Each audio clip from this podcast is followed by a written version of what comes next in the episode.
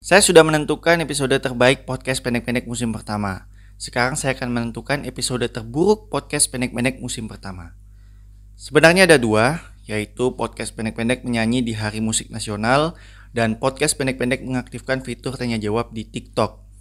Dari kedua episode tersebut, saya memilih podcast pendek-pendek menyanyi di Hari Musik Nasional.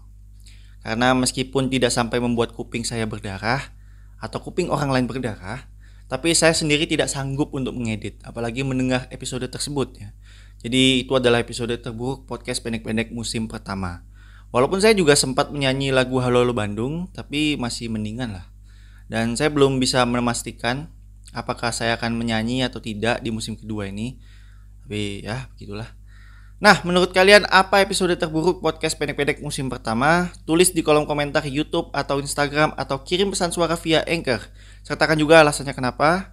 Dan kalian bisa menjawab ini kapan pun kalian mau, tidak ada batas waktu. Kalau kalian bilang tidak ada yang terburuk, terima kasih. Tapi kalau kalian bilang semuanya terburuk, tidak apa-apa. Dan lagi-lagi saya tidak akan memberikan hadiah atas pendapat kalian karena ini bukan giveaway. Ini murni supaya ada interaksi sama pendengar podcast pendek-pendek.